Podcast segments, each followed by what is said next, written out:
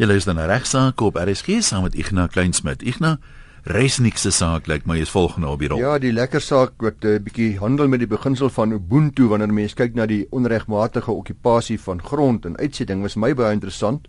Artikel 4 van die Prevention of Illegal Eviction from Unlawful Occupation of Land Act. Ons praat altyd van die PAI wet. Sogenaamde PAI PEE wet handel oor die uitsetting van onwettige okkupeerders en bepaal onder andere die volgende: Eerstens dat ondanks enigiets tot die teendeel vervat in enige ander wet of gemeenereg is hierdie bepalinge van hierdie artikel van toepassing op verrigtinge ingestel deur 'n eienaar of persoon in beheer van die grond vir die uitsetting van 'n onregmatige okkupeerder. Dan bepaal so artikel 7 dat indien so onregmatige okkupeerder die grond vir minder as 6 maande, belangrik, minder as 6 maande okkupeer, wanneer ek nou die verrigtinge begin om hierdie persoon uit te sit, dan kan die hof 'n uitsettingsbevel toestaan. So dit kan slegs gebeur indien die hof van mening is dat dit regverdig en billik sal wees om dit toe te staan nadat oorweging geskenk is aan 'n klomp tersaaklike omstandighede. Dit sluit nou in die regte en behoeftes van bejaardes, kinders, gestremde persone, huishoudings waar vroue aan die hoof staan of kinders in die hoof staan ensovoorts. Nou indien die hof dan tevrede is dat daar aan hierdie vereistes van die artikel voldoen is uh, en daar nie geldige verweer is nie, moet die hof 'n bevel gee vir uitsetting en dan moet die volgende bepaal word: regverdige en billike datum waarop hierdie onregmatige okkupeerder dan nou die grond moet ontruim en tweedens die datum waarop 'n uitsettingsbevel uitgevoer sal word indien die okkupeerder dan nie aan hierdie hofbevel gehoor gee nie. Nou hierdie bepalinge het dan ook nou toepassing gevind in hierdie Resnik saak waarvan jy gepraat het. Ion Resnik versus die Republiek eh, die regering van die Republiek van Suid-Afrika en ander. Mevrou Resnik was 'n enkelouer het 'n minderjarige kind gehad en 'n minderjarige kind wat nadat sy vir 'n tydperk die grond onwettig beset het, ooreenkoms met die eienaars van die grond in hierdie geval die staat, dis die staat se grond, aangegaan het om die grond te huur. So sy was lanklik onwettig daar, toe gaan sy hierdie ooreenkoms aan. Maar sy betaal toe nie haar huurpaaiemente nie en die staat het nou aansoek gedoen om uh, haar uit te sit. Die Landdroshof het hierdie aansoek toegestaan en mevrou Resnik het nou geappeleer teen hierdie Landdroshof bevel. Uh die hof het eerstens bevind dat daar na die omstandighede van haar gekyk moet word van die appellant. Die vraag was of dit redelik en regverdigbaar sou wees met 'n agneming van haar finansiële posisie om hierdie bevel van uitsetting te maak. Soos ek nou reeds gesê, die grondpunt maar veral Pai bevestig dat ons nie eilande op onsself is nie, die gees van Ubuntu wat deel is van 'n diep kulturele erfenis van die meerderheid van die bevolking in hierdie land 'n rol moet speel. So as jy kyk na die beginsels van Pai en ook in die grondwet, dan sê jy sien net sommer die woorde van die wet nie, jy moet ook hierdie hele gedagte van Ubuntu in aanmerking neem wanneer jy kyk na uitsettings of onregmatige okkupasie. Die regter Sex, LB Sex, het in die saak van Port Elizabeth munisipaliteit teen onwettige okkupeerders die volgende byvoorbeeld opmerking gemaak. Uh, ek haal dit verbatim so aan. Hy sê the interests of the occupier must be balanced by those interests of the landowner, but that in doing so significant consideration must be given to principles such as good labor, uh, neighborliness and shared concern hierdie hierdie good uh, neighborliness en shared concern is maar 'n bietjie deel van Ubuntu. Dis relevant om daarop let dat Ubuntu 'n normatiewe begrip is. Dit is iets wat die wat die mensdom wil bevorder, die een mens wat die ander moet erken. Dis eintlik maar waaroor dit gaan. Die waardes van solidariteit, deernis, respek vir menswaardigheid, al daai soort van begrippe is 'n belangrike riglyn vir Ubuntu. Nou die feit van die saak is egter dat 'n uitsettingsbevel slegs regverdig sal wees na deeglike oorweging van hierdie tipe van faktore ook. In hierdie spesifieke geval is die volgende faktore van belang. Dis nou mevrou Resnik. Sy is 'n geskeide vrou. Sy deel 'n woonhuis met haar twee kinders. Hulle is 20 en 16. Dis duidelik uh, dat uh, met 'n agneming van 1000 rand per maand onderhoud wat sy van haar ex ontvang, 'n voormalige gade ontvang. Dis minimaal, né? Minimaal. Sy is finansiëel baie baie swaar kry. Sy het 'n inkomste, maar sy sukkel om kop bo water te hou. Nou, hoe gee die hof nou in hierdie geval toe nou aan Ubuntu uitding? Die hof was van mening dat 'n regverdige en billike uitspraak sou wees dat dit eerstens onwettig is vir 'n persoon in die omstandighede van mevrou Resnik om onbepaald op 'n eiendom te bly. Aan die ander woorde, ek is nou onregmatig op die Peter, ek kry swaar en al die dinge, maar die hof sê dit beteken nie jy kan vir ewig op iemand anders se grond bly nie. Dis net nie billik nie. Dit is Ja, die regte van die grondeienaar is in die eerste plek seker die sterkste reg. Presies, dit moet ook 'n rol speel en Ubuntu hierso sê die hof sal die versekering wees dat aan die appellant 'n redelike of 'n langer tydperk gegee word om die grond te verlaat en maar in staat te stel om alternatiewe akkommodasie te vind. So die hof bevind dat hoewel die uitsettingsbevel regmatig was, dit net menslik sou wees om 'n verdere 6 maande finale grasie aan mevrou Resnik te verleen. En dis maar hoe die beginsel van Ubuntu hier so ter sprake gekom het. Ek nou ons gaan tyd hê vir nog 'n bydrae uh, in hierdie deel. Ja, 'n interessante vraag wat uh, hierdie litigant moes uh, oorweeg is nou wie's nou wat in hierdie hof oorweeg word wie's my eintlik 'n vrou? Ek het twee vrouens, wie kan erf? En dit gaan maar oor natuurlik die bewys van huwelik en die tradisionele huwelik, daai soort van ding. In hierdie geval was dit Murabi versus Murabi en ander appelhofsaak in die einde van 2014 gaan oor twee vrouens, die appellant en die eerste respondent wat beweer albei dat hulle wettiglik met die oorledene getroud was. Die applikant was in 1979 getroud met die oorledene gevolge gewoontereg, die appellant skies en die eerste respondent in 1995, met ander woorde amper 16 jaar later gevolge siviele huweliksreg. So behoorlike troues is ons wat luister vandag die meeste dit ken. By die dood van die oorledene nou die eggenoot van albei het die eerste vrou, mevrou Morabi, gegaan om die oorledene se dood aan te meld by die meester van die Hoëhof. Dit was egter reeds aangemeld. Dis dit daar kom toe kom ons neem maar 'n ander die tweede mevrou Morabi het dit alreeds aangemeld. Sy is te laat. So die vrouens het nie vir mekaar geweet nie, lyk dit. En die tweede mevrou Morabi is ook as eksekutrice van die boedel reeds aangestel. Die eerste vrou bring toe 'n aansoek dat die 1979 huwelik tussen haar en die oorledene geldig verklaar word en dat die 1995 huwelik, dis die siviele huwelik, uh, tussen uh, die eerste respondent en die oorledene, die tweede mevrou Morabi, dit nietig verklaar word. Die hof bevind toe die eerste hof bevind toe die hof akko uh, dat die eerste vrou nie genoegsame bewyse gehad het dat sy met die oorledene in gevolge die gemeentereg of dan noem, noem met die inheemse reg getroud was, dat tradisionele reg getroud was nie. Daar aansoek is met kostes van die hand gewys. Die hof het ook bevind dat die tweede vrou die enigste oorlewende gade van oorledene is. Sy gaan ons alles erf. Die een wat nou die siviele huwelik gehad het in die kerk of in die landroskantoor. Die eerste vrou appeleer toe na die hoogste hof van appel Haar argument was dat daar 'n registrasiesertifikaat van haar huwelik soos uitgereik lank na die huwelik in 1991 genoegsame bewys is van haar huwelik met die oorledene. So sy het wel op 'n stadium na die landroskantoor toe gegaan en na die departement toe liewerste en gesorg dat sy 'n registrasiesertifikaat van haar huwelik kry. En sy sê dit behoort genoeg te wees. Verder sê sy kan hierdie sertifikaat slegs ongeldig verklaar word as daar bewyse is dat sy of 'n derde party dit op 'n regmatig of 'n bedrieglike wyse gekry het. Sy sê hier is hy, jy moet hom aanvaar soos wat hy is. Jy kan nie hom ignoreer nie. Hy moet anderste moet jy hom eers laat verklaar dat hy nietig is of ongeldig is. Nou regter Petsy bevind dat uh, eh, 2 Desember 1988 nog 'n kritiese datum is by die bepaling van hierdie geskil vir die geldigheid van 'n gewoonte in sivielregtelike huwelik want op 2 Desember 1988 was artikel 22 van die swart administrasiewet, wet 38 van 1927 geskraap en gewysig deur die wet op huwelike en huweliksgoedere bedelinge wet 3 van 1998. Nou moet sê ek was al die jare onder die indruk dat ek ook hierdie program al gepraat van die 1 November die wet in werking getree maar ek sien hierdie hofsaak so spesifiek eers 2 Desember maar dis nou maak nie in ons geval baie saak nie want voor 2 Desember 88 luisteraar kon 'n swart man siviele huwelik sluit ekskuus ongeag die feit dat hy reeds 'n ander vrou in terme van die gewoontereg of van die uh, tradisionele reg het vanaf 2 Desember 88 kan 'n man nie eh, so so huwelik sluit as 'n siviele huwelik as hy reeds in terme van die gewoontereg getroud is nie. Enige siviele huwelik word wat dan gesluit word is nietig. Dis wat hierdie wet sê. So die hof kyk dat die wet en die hof sê toe dat die registrasiesertifikaat van die eerste vrou wel prima facie bewys is van haar huwelik met die oorledene en was daardie huwelik dus geldig want die, die tweede huwelik is aangegaan na 1988 en as haar eerste huwelik geldig was dan beteken dit die tweede huwelik is ongeldig so die appel slaag en die hof keer die hele ding weer om en hierdie keer sal die eerste mevrou Murabi dis alles erf. Ek neem aan die intestate erfreg was dan seker hier ter sprake want as haar testament was kon die tweede vrou wel geërf het as sy as erfgenaam aangewys gewees ja, het. Ja, die, as jy sê intestats uit die tradisionele reg wat hier ter sprake kom want die tradisionele reg uh, was binne gemeenskap van goedere. Ja, ja. Beteken sy erf outomaties haar eie helfte en die res erf sy dan in gevolge die intestate erfreg. Daar was nie kinders nie.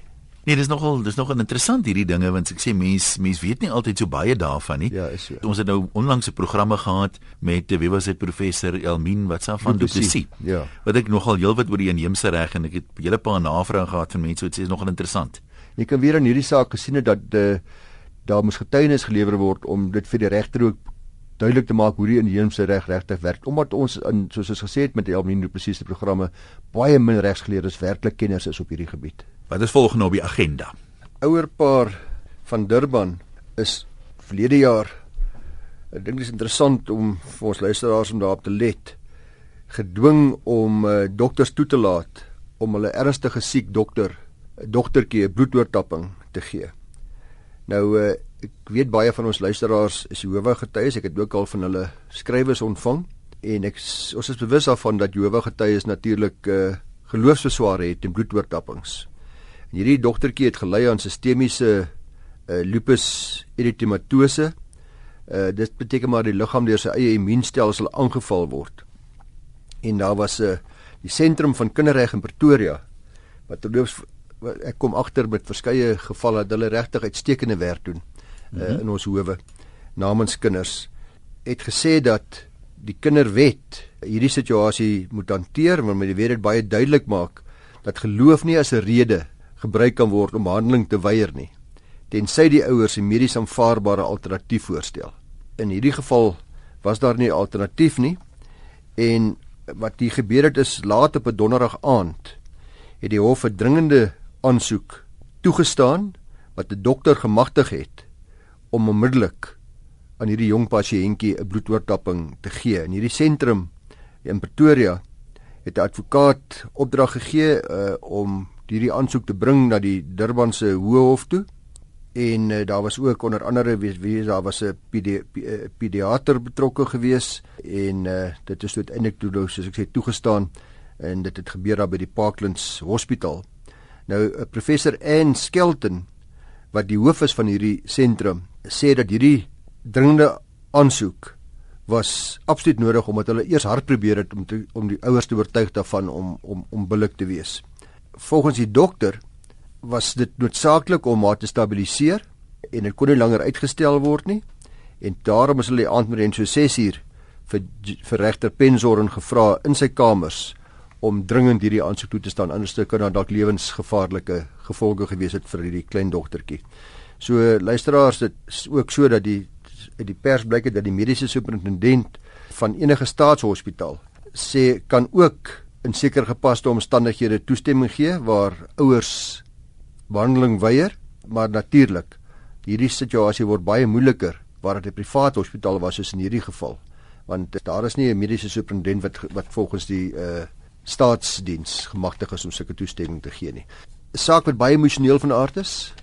Van ons luisteraars kan laat nie saamstem dat daar inmenging moet wees uh, waar ouers weier nie. Uh, maar in hierdie geval is die kind se belang, kind se belang ja. wat hier so absoluut die die rol gespeel het. Ek is nou seker van die punt af maar dit hou tog verband daarmee. As jy mense nou na 'n privaat hospitaal kyk waar jy weet die koste van gesondheidsorg hoër is sou daar nou so hofbevel wees dat 'n uh, sekere prosedure uitgevoer moet word bloedoortapping of wat ook al mense kan seker nie dan die ouers aanspreeklik hou vir die koste as hulle pertinent gesê het nee moet dit nie doen nie. Ek aanvaar uh, in hierdie geval sou die sentrum waarskynlik dit op hulle koste wou laat doen. Ek is redelik seker daarvan. Waaroor praat ons volgende? 'n saak wat aandag getrek het dink ek in die regswêreld was die saak van Ellerine broers teen uh McCarthy beperk. Ons hoogste hof van appel beslissing aan die einde van 2014 wat hier gebeur het is dat dit dan maar oor insolventie en die reg of die effek van insolventie uh op 'n kontrak en die reg om daardie kontrak te kanselleer. Ellerine het hier appel aangeteken. Hulle het 'n sekere besigheidsperseel verhuur aan 'n huurder en die huurder het die besigheidsperseel weer onderverhuur aan McCarthy. En die huurder het toe nou nie McCarthy nie, die huurder versuim toe nou om die huurgeld te betaal en uh hulle reeds besluit uiteindelik hulle het genoeg gehad en gevolge die kontrak stel hulle die huurder in kennis dat hulle as hulle binne 7 dae betaal nie dan uh, gaan die kontrak gekanselleer word. 5 dae na daai kennisgewing, voor die 7 dae verby is, toe bring 'n ander party heel derde party 'n aansoek om die likwidasie teen die huurder. Aan die woorde die huurder wat die wat verskuldig is wat die huurgeld moet betaal, hy word nou gelikwideer. Terwyl hierdie aansoek nou was 'n voorlopige aansoek wat gebring word uitgereik. Mm -hmm. Terwyl die aansoek hangende is, kanselleer Ellerines die huurkontrak, maar die huurder sowel as die likwidateur van die huurder wat nou aangestel word, het aangeneem dat die kansellasie nie in werking getree het nie aangesien 'n party sy reg om 'n kontrak te kanselleer verloor sodra die teenparty gelikwideer is. Ge gewoonlik wanneer daar die aansoek se uitreikingsdatum skort alle stappe al litigasie stappe op. So hulle was onder daai indruk en gevolglik wat nou gebeur se deur die likwidateur nou die die huurders likwidateur se deur nou hierdie reg om huur in te vorder van McCarthy aan die appellant. As jy weet, julle kan maar hierdie geld direk van McCarthy invorder. Ek se deur nou sommer daai regte wat ons geval vir die kontrak gehad het, deur ek nou aan ons onderhuurder. So McCarthy moet nou af betaal. Gaan nou verder met McCarthy aan. Ellerines uh, dagvaar gevolglik vir McCarthy in gevolge die subhuurkontrak vir agter vir ook vir die agterstallige bedrag. Die Hof bevind egter in gunste van McCarthy en beslis dat die sessie ter opsigte van die agterstalliges nie geldig was nie, aangesien die onderverhuuring outomaties ook gekanselleer was. Toe die huurooreenkoms tussen die appellant en die huurder gekanselleer was, hulle sê dis McCarthy hoef nie te betaal nie en dan word nou weer appel aangeteken. Die appelhof bevind nou dat likwidasie of sekwestrasie nie algemeen die werking van reeds bestaande kontrakte beïnvloed nie. Dis nou wat vir ons as regsleerders nogal nuut is en wat vir ons die saak belangrik maak. Die appelhof bevind dat likwidasie of sekwestrasie nie normaalweg, nie algemeen. Ek was nog altyd onder ander indruk gewees. Die reg van reeds bestaande kontrakte beïnvloed nie. Dit is sodat insolventie sal slegs bestaande kontrakte beïnvloed sê die hof indien die likwidateur in hierdie geval natuurlik die huurder se likwidateur nie die terme van die kontrak nakom nie. Die vraag is gevolg net of daar 'n geldige afdwingbare reg is. Dis die keuse van die gelikwideerde se likwidateur om te besluit of hy die met die of die boedel met hierdie kontrak wil aangaan al dan nie. Sê die hof, artikel 37 van die insolventiewet bepaal dat die likwidateur 'n keuse het om bestaande kontrakte waarin die insolvent betrokke is te kanselleer of in stand te hou en verbied gevolglik nie die verhuurder om sy regte in terme daarvan uit te oefen nie. So in hierdie geval sê die hof waar die daar was 'n kennisgewing gegee na die 5 dae al was hy toegelikwideer die 7 dae daarna het het nog steeds geloop die hof bevind dat die kansellasie van die kontrak geldig was omdat dit nie normaal omdat dit nie outomaties net die die die werking van die kontrak opskort nie gevolglik was die subhuurooreenkoms ook gekanselleer en die kurateur sê dis geen regte onder die subhuurooreenkoms om wat aan die verhuurder gesedeer kom word nie. So 'n bietjie tegnies luisteraars, maar nog 'n interessante ontwikkeling deur ons appelhof. Ek nou dink ons kan nog so enetjie inpas uh, vir hier in die vir die laaste paar minute. Ene WM is oorlede terwyl hy in polisie aanhouding was en nadat hy ernstig deur sy medegevangenes in 'n sel aangerand was. Sy twee vrouens het toe die minister van polisie gedagvaar vir verlies aan onderhoud wat hulle gelei het. Een vrou was hy mee getroud by afsterwe en die ander vrou was hy mee geskei en 'n onderhoudsplig teenoor haar gehad. Hulle het ook verdere eise ingedien vir die verlies en onderhoud namens hulle minderjarige kinders omdat die vader dan nou oorlede is. En hierdie saak van M en ander versus minister van polisie is in 2013 gerapporteer. Die eis ten opsigte van die twee vrouens van die oorledene was toe geskik geweest in terme van 'n ooreenkoms tussen die partye wat 'n hofbevel gemaak is En al wat toe nou oorbly wat nog bereg moet word is die eis vir verlies en onderhoud van die kinders en die hof moet nou besluit of so eis geldig en volhoubaar is waar iemand die pa onregmatiglik doodgemaak het. Hy was deur sy medegevangenes in die sel aangerand. Kruks lê daar in Suid-Afrika luisteraars daar nie spesifieke wetgewing is wat skadevergoeding of skadevergoeding aan 'n minderjarige kind toeken gebaseer op die onregmatige dood van 'n ouer teweeggebring deur 'n derde persoon nie. Ten spyte hiervan uh, meen regter Moshle in hierdie saak van M en ander teen die minister van polisie alhoewel daar geen wetgewing is wat dit magtig nie. Uh sê die regter erken hy dat nie teenstaande dat grondwetlike skadevergoeding wel as gepaste regsop toegestaan kan word as ge, in, in gevalle waar skade gelei word as gevolg van die or, ernstige onregmatige inbreukmaking 'n persoon se grondwetlike regte. Hy sê daar's altyd so eis. Is daar nie 'n eis in Suid-Afrika spesifiek onregmatige dood van my pa nie, maar daar's altyd 'n eis sê as gevolg van onregmatige inbreukmaking op my grondwetlike regte. Sodoende sê die hof kan daar 'n nuwe remedie geskep word en 'n toekenning in die vorm van grondwetlike skadevergoeding gemaak word as vergoeding as daar sulke onregmatige inbreukmaking is en die hof sê dat enige eis vir onderhoud namens 'n minderjarige kind gebaseer op die afsterwe teweeggebring deur 'n derde persoon moet dan gebaseer word liewers op die grondwet. Moenie 'n ander wette gaan probeer soek wat dit spesifiek magtig nie. Gaan na die grondwet, die grondwet is wyd genoeg om 'n skadevergoedingsaksie onder daai in te bring uh want dit het te maak met kinderregte. Jy moet kyk na die bepalinge van artikel van die kinderwet en ook dan spesifiek die bepalinge van die grondwet oor kinderregte en die hof sê dan is dit baie maklik om te sê dat die skuldoorsaak vir hierdie grondwetlike skadevergoeding is dan in terme van artikel 15 van die kinderwet te gepaste remedie en mens kan skadevergoeding eis verspreiding uit die verlies ook van onderhoud uh, of sorg van my minderjarige kind. So die hof het 'n heel ander basis gevind waarop hy toe wel vir hierdie klein ding kon uh, vergoeding gee vir spruitende uit in die, uit uit uh, daardie aanranding in die selle en die minister moes betaal. Julle in die begin van so iets moet mense seker dan nou sê dat die aanranding in die selle was verhoedbaar gewees die polisie Ja, dit gaan hieroor na later gaan ja, aan die kant van die polisie ja. Nee, absoluut. Daar moet seker getuienis ja. daaroor Ja, ja dit is uiteindelik uh, gebaseer op 'n uh, delik. Ek gaan ons tydjie is verstreke, soos altyd baie dankie vir eh, die lang pad wat jy aandurf om ons te kom opvoed in eh, regsaake. Ons waardeer dit. Baie dankie Ian en uh, ek dink ons moet ook dankie sê weer 'n keer aan die prokureursorde van Suid-Afrika wat uh, vir my dit moontlik maak om hierdie program aan te bied en wat regtig uit hulle pad het gaan om te kyk of ons op hierdie manier dalk die reg bietjie meer toeganklik kan maak vir ons luisteraars.